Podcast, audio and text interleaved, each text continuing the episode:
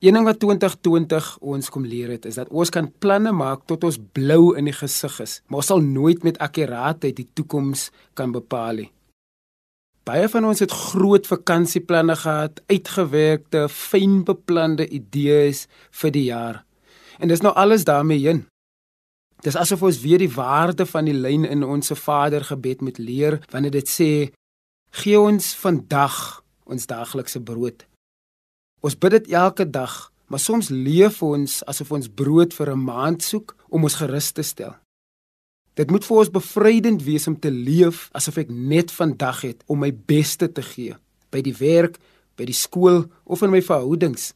Dat ek net vandag het vir jammer sê, om te vergewe en om vrygewig te wees. Nie een van ons is die res van 2020 gewaarborg nie. Ons leer weer opnuut hoe om van God afhanklik te wees, hoe om hom te vertrou met ons lewens en hoe om lig deur die lewe te reis. In Jakobus 4 herinner hy ons juis daaraan dat ons mens eintlik maar, maar soos die oggend mis is. Ons is net vir 'n rukkie sigbaar en dan is ons weer weg. Dis hoekom hy ons aanmoedig om eerder te praat van as die Here dit so beskik, sal ons lewe en sal ons dit of dat doen. Hy sê eintlik sonder daardie vrywaring beplan ons net uit arrogansie uit. Beplan ons net uit ons menslike groot praat uit.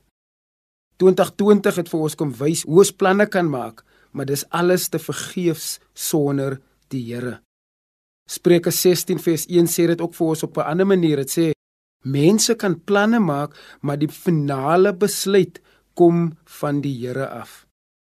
Ek wonder of jy nie ook dalk nou met wat oor is van 2020. Daai besluit moet maak van nou af gaan ek net, gaan net bid vir genoeg brood vir vandag.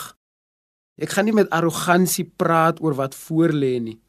En ek gaan sê as die Here dit so beskik, sal ek lewe en sal ek dit of dat doen.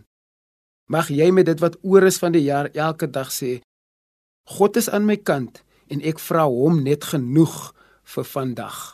Amen.